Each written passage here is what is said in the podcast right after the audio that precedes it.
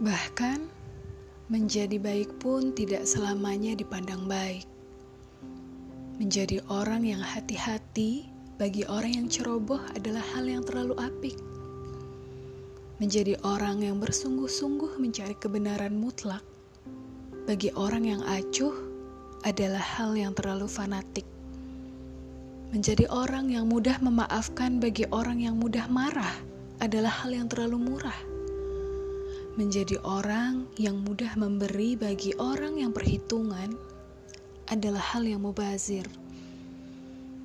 Menjadi orang yang berpikir analitis bagi orang yang berpikir praktis adalah hal yang terlalu perfeksionis. Menjadi orang yang dermawan bagi orang yang pelit adalah pencitraan.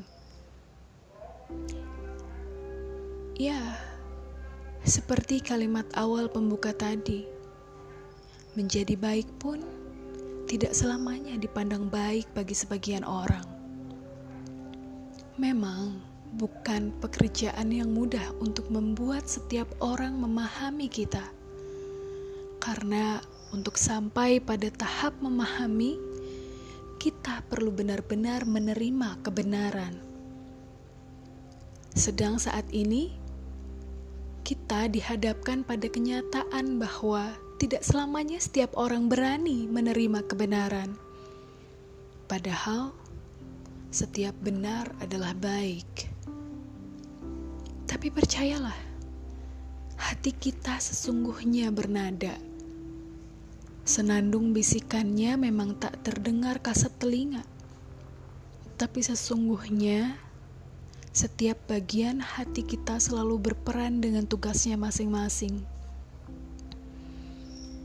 Sebagian hati yang baik akan berbisik ketika sebagian yang buruk sedang berlaga. Namun, seringnya setiap nada bisikan dari bagian hati yang baik selalu diabaikan oleh sebagian hati yang buruk. Nafs namanya bersumber dari hawa yang muncul karena bisikan syaitan.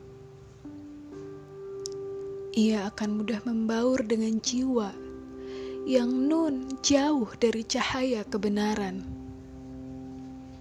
Ia sering kali menang, memadamkan nada bisikan kebaikan. Begitulah hati kita, manusia terdapat dua nada suara di dalamnya.